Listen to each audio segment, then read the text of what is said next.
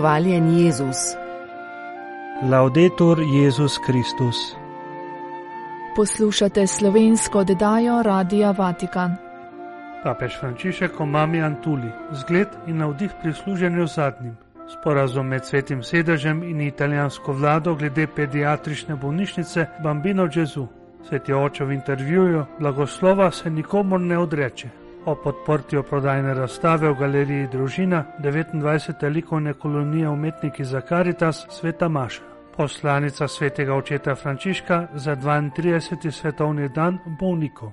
Sveti oče je sprejel audienco romarje iz Argentine, ki so prišli v Rim na kanonizacijo Marije Antonije de Paz, bolj znane kot mama Antula. Postavil jo je za zgled in navdih pri služenju zadnjim, ki jih družba zavrača, ter dejal, da nam v današnjem svetu sporoča, naj se ne vdamo pred težavami in ustrajno vsem prinašamo evangeliji.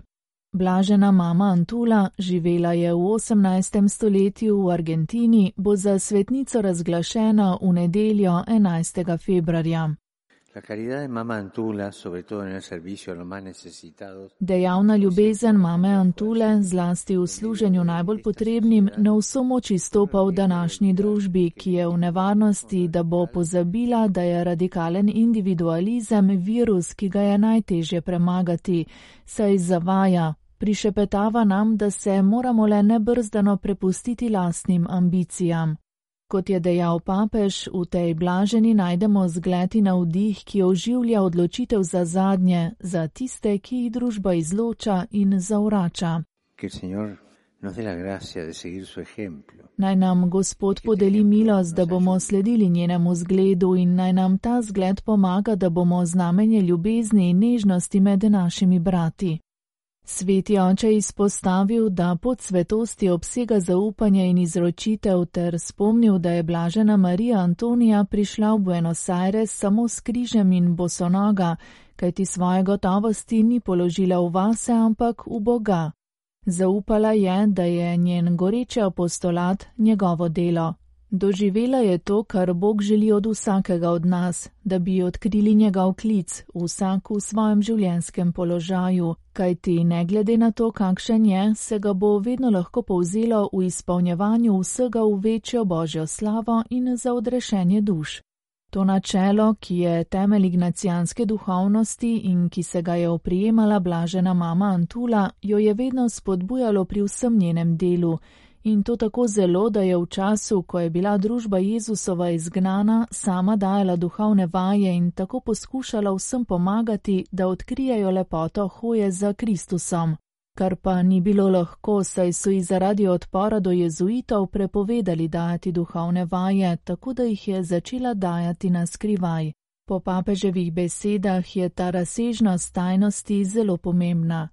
Sveti oče je v nadaljevanju govora izpostavil še eno pomembno sporočilo, ki ga blažena mama Antula daje današnjemu svetu in sicer, da naj se ne vdamo pred težavami in ne opustimo svojih dobrih namenov, da bi kljub izzivom vsem prinašali evangeliji.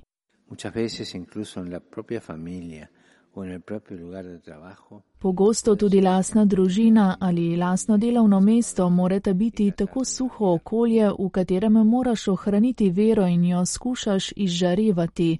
Trdno zakoreninjeni v Gospodu moramo to videti kot priložnost, kjer lahko svojemu okolju postavimo izziv in mu prinašamo veselje Evangelija. Ob koncu govora je papež poleg velike pobožnosti do svetega Jožefa izpostavil še veliko gorečnost do Euharistije, ki jo je gojila blažena mama Antula, ter dejal, da Euharistija mora biti v središču vsega našega krščanskega življenja, saj iz nje izvira moč za uresničevanje našega apostolata. Los invito a participar Zato vas vabim, da se v nedeljo z vso resnostjo udeležite obhajanja Kristusa, umrlega in ustalega, med katerim bomo razglasili mamo Antulo za svetnico. Vabim vas, da ste priče tega daru za argentinsko ljudstvo in tudi za vso crkev. Njo, ki je zelo spodbujala romanja, prosimo, naj nam pomaga na našem skupnem romanju proti očetovi hiši. Državni tajnik njegove svetosti kardinal Pietro Parolin in podsekretar italijanske vlade Alfredo Mantovano sta v četrtek 8. februarja na sedežu italijanskega veleposlaništva pri svetem sedežu podpisala izjavo o nameri glede pediatrične bolnišnice Bambino Gesù. V izjavi se strani o priznavanju ravni absolutne odličnosti na področju pediatričnega zdravstvenega varstva in biomedicinskih raziskav na nacionalni in mednarodni ravni bolnišnice Babino Džezu strinjata, da njene trenutne strukture, zlasti zgodovinski sedež Santo Nofrio, ne omogočajo nadaljne širitve ali izboljšave zdravstvene ponudbe ali raziskovalne dejavnosti. Iz tega razloga vlada Italijanske republike in sveti sedež izjavljata, da sta območje nekdanje bolnišnice Karlo Forlanini v Rimu opredelila kot eno najprimernejših krajev za gradnjo novega sedeža Bambino Gesù. Izjava na to opiše vrsto ciljev, ki se jih vsaka pogodbenica zavezuje doseči. Med temi je predvsem opredelitev potrebne regulativne arhitekture, ki daje prednost izvajanju posegov in popolni ekonomski zdržnosti delovanja. Izjava se torej nanaša na začetek dogovarjanja med strankami o namembnosti zgodovinskega kraja Santo Onofrijo, ob upoštevanju trenutne socialno-varstvene funkcije kompleksa in zagotavljanja predkupne pravice v korist italijanske države. Podpis deklaracije poteka ob konferenci Država in crkva 40 let po podpisu republikanskega konkordata, posvečeni sporazumu o spremembi konkordata ki sta ga februarja 1984 podpisala predsednik Raksi in državni tajnik kardinal Casaroli. Papež Frančišek v intervjuju za italijansko revijo Kredere spregovori o blagoslavljanju istospolnih parov, med drugim spodbudi k večji navzočnosti žensk v cerkvi. Nihče se ne zgraža, če podelim blagoslav nekemu podjetniku, ki izkorišča ljudi, medtem ko se zgraža, če blagoslovim homoseksualca pove papež in tako ponovno povdari načelo sprejemanja vseh, na katerem sloni pastoralno poslanstvo cerkve in kar konkretneje opredeljuje izjava fiduča supplicans o pastoralnem smislu blagoslavov, ki je v javnosti sprožila vrsto polemik. Ne blagoslavljam istospolne poroke, ampak blagoslavljam dve osebi, ki se imata radi in jo tudi prosim naj molita zame, pojasni papež v pogovoru z Vinčencem Vitalejom, urednikom revije Kredere, ki je začela izhajati v letu papeževe izvolitve.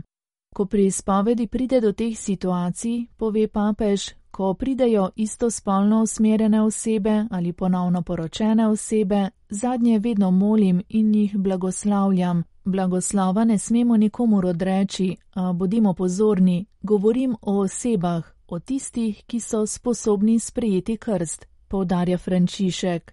Najhujši grehi so tisti, ki so prekriti z bolj angelskim videzom. Nihče se ne zgraža, če dam blagoslav podjetniku, ki morda izkorišča ljudi, kar je zelo hud greh, medtem ko se zgraža, če ga podelim homoseksualcu. To je hinavščina. Spoštovati moramo vse, Poudari papež in doda, da je bistvo dokumenta Fiduča Supplicans, ki ga je decembra 2023 izdal dikasteri za nauk vere, sprejemanje. Sveti oče se med drugim dotakne tudi vprašanja o vlogi žensk ter ponovno izpostavi žensko obliče cerkve. Poudari razliko med petrinskim in marijanskim načelom ter izpostavi, da je cerkev ženska in nevesta. Dodaja, da je pomembno odpreti delo v kuriji za ženske, saj ženske pomagajo službi svetega reda. Kot primer navede majhne vasi, kjer ni duhovnika, redavnice pa vodijo župnije, krščujejo, podeljujejo obhajilo, opravljajo pogrebe. Ni najpomembnejša službenost ženske, ampak je temeljnega pomena prisotnost ženske. V četrtek 8. februarja na kulturni praznik je v Ljubljanski stolnici potekala sveta maša za umetnike in ljubitelje kulture pred odprtjem prodajne razstave likovnih del, ki so nastala med 29. likovno kolonijo umetniki za Karitas pod geslom Mir tej hiši, ki jo je daroval ljubljanski načhov metropolit Monsignor Stanislav Zorej. On je tudi odprl razstavo. Prisluhnemo odlomkom načkofove pridige. V Sloveniji danes obhajamo prazne kulture in v tem duhu smo se zbrali v stolnici svetega Nikolaja, da bi se Bogu zahvalili za naše kulturne delavce in za kulturno letino, če smem tako reči, s katero so napolnili kašče duha in prinašali svetlobo na poti skavcem tolažbe in smisla. Po sveti maši bomo v galeriji družina odprli razstavo umetniki za Caritas. Volila misel te že dobro poznane pobude je letos mir tej hiši.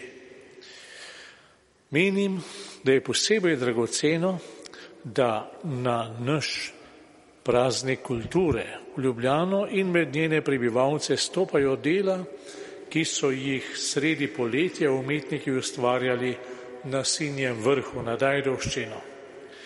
29. so se zazrli v globine, se podali na mesta srečanja s stvarnikom in seboj, molili in premišljevali, potem pa razpeli platna, razprli jadra na vdihu duha in ščopiče in drugimi sredstvi, tudi z rokami in njihovo prvinsko ustvarjalnostjo, ljudem pokazali to, kar je nastalo iz tega notranjega dialoga, ki je črpal od zgoraj, od Boga in iz skoraj brezmejnih pokrajin navdiha v Božjem stvarstvu in v nosilcu Božje podobe v človeku.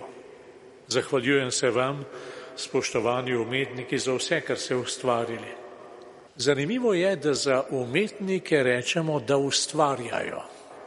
Za večino drugih poklicov pravimo, da delajo, zidajo, gradijo, tešajo, popravljajo in tako naprej. Za umetnike, ne glede na to, na katerem področju umetnosti izražajo in delijo svojo obdarovanost z besedo, čopičem, gletom, z inštrumentom, z gibom in še na vse druge načine, za nje pa pravimo, da ustvarjajo. V čem je ta ustvarjalnost, odkot to ustvarjanje?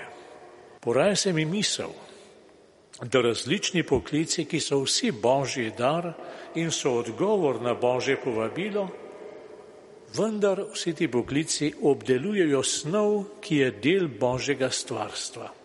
Z obdelovanjem različnih materijalov oblikujejo stvari, ki služijo človekovemu vsakdanjemu življenju, omogočajo njegovo preživetje in pripomorijo njegovemu čim boljšemu počutju.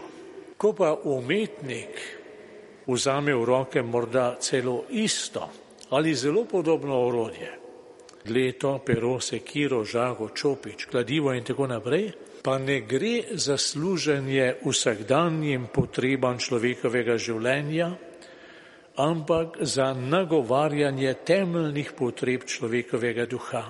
Umetnik se mora v svojem snovanju poglobiti v božjo misel, v neskončno ustvarjalno moč nje, najvišjega in z njo nagovoriti človeka v njegovem boju za kruh, in za vsakdanje dobrine, da njegov vsakdan ne postane banalen, ampak je vedno deležen žarkov duha, ki bogatijo njegovo notranjost in hranijo njegovo dušo. Človek sicer res živi od kruha, ampak nekakor ne samo od kruha. In del tistega, kar presega življenje iz kruha, kar presega človekove biološke potrebe, mu prinašate svojim zajemanjem iz prostorov duha vi, umetniki in zato še enkrat hvala vam za to.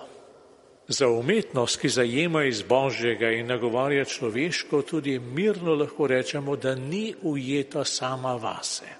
Za umetnika je nevarno, da ob poglabljanju vase, ob iskanju svojih poslednjih globin, nazadnje postane ujetnik samega sebe, svojega ega. Namesto, da bi zajemal iz brezbrežja odnosov in obrazov, lahko ostane na obalah samega sebe in ostane ujetnik svojega lastnega obraza. Sporočilo takega umetnika utihne, umre, ni ga več, ker ni več odnosa, ni več srečanja, v katerem bi se moglo rojevati in množiti življenje. In sporočilo se začne razodevati kot smrt, ne glede na to, s kako velikimi besedami ali črkami je razglašena. Umetniki za karita svoje dela vedno posvetite pomoči potrebnim. Že v samem namenu likovne kolonije ste odprti na vzven, k ljudem. Najprej, da je to rečeno pogojno, k tistim, ki jih bodo vaše umetnine nagovorile, ki se bodo ustavili pred vašimi slikami in si že želeli, da bi spregovorile v njihovih stanovanjih, da bi z njimi morda razveselili svoje prijatelje. Vzpostavi se dialog med umetnikom in gledalcem, ki se začne pogovarjati z njim preko njegovega dela. Potem pa se začne tihja, mogočni tok sočutja, skrbi in ljubezni med vami in tistimi, ki bodo deležni sredstev, ki se bodo nabrala iz vaših del. V opisu letošnje kolenije oziroma lansko letne piše, da so zbrani darovi namenjeni otrokom, ki jih je vojna pregnala iz njihovih domov in so trenutno nastanjeni v Sloveniji. Naj ob tem povem doživetje iz nedavnega srečanja mladine v organizaciji tezejskih bratov za novo leto. V eni od družin so bile nastanjena tri dekleta, med njimi dve Ukrajinki. Gostitelj je bil najprej nekoliko zaskrbljen, koliko travme bodo morda prinesli s seboj, pa ni bilo nič travme. Nasprot, eno samo veliko, bogato srečanje različnih ljudi, različnih jezikov in kultur. Pač pa, ko je prišlo slovo, sta ti dekleti zajokali, ker sta se vračali v domovino, v kateri divja vojna.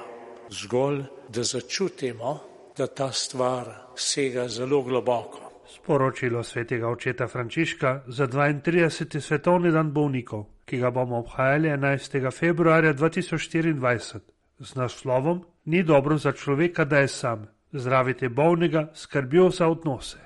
Ni dobro za človeka, da je sam.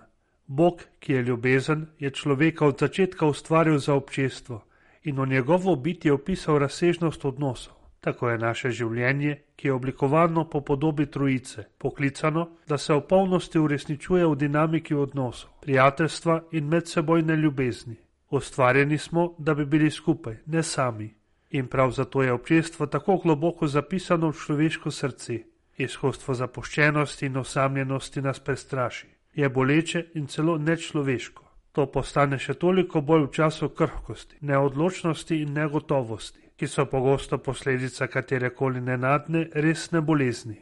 Mislim naprimer na tiste, ki so bili med pandemijo COVID-19 strašno sami bolniki, ki niso mogli sprejemati obiskov, pa tudi bolničari, zdravniki in pomožno osebje, ki so bili preobremenjeni z delom in zaprti v izolacijske oddelke. Seveda ne pozabljamo, koliko se jih je moralo smrtno uro srečati samih, o pomoči zdravstvenega osebja, a daleč od svojih družin. Hkrati z bolečino sočustvujem s trpljenjem in osamljenostjo tistih, ki zaradi vojne in njenih tragičnih posledic ostanejo brez opore in brez pomoči. Vojna je najstrašnejša družbena bolezen, najbolj krhki ljudje pa plačajo najvišjo ceno. Vendar je treba povdariti, da tudi v državah, ki uživajo mir in imajo večje vere, čas starosti in bolezni pogosto preživljamo v osamljenosti in včasih celo zapuščenosti. Ta žalostna resničnost je predvsem posledica kulture individualizma, ki pa vzdiguje uspešno za vsako ceno in goji mit učinkovitosti, postane pa brezbrižna in celo neusmiljena, ko ljudje nimajo več potrebnih moči, da bi držali korak. Tedaj postane kultura odmetavanja, v kateri ljudje niso več prva vrednota, ki jo je treba spoštovati in varovati, še zlasti, če je revna ali nemočna, ko še ne koristi, kakor nerojeni, ali ne koristi več, kakor stari. Ta logika žal prežema tudi nekatere politične odločitve, ki jim ne uspe postaviti v središče dostojanstva človeka in njegovih potreb in ne dajo vedno prednosti strategijam in virom, ki so potrebni, da bi vsakemu človeku zagotovili temeljno pravico do zdravja in dostop do oskrbe. Poslušali ste slovensko oddajo Radia Vatikan.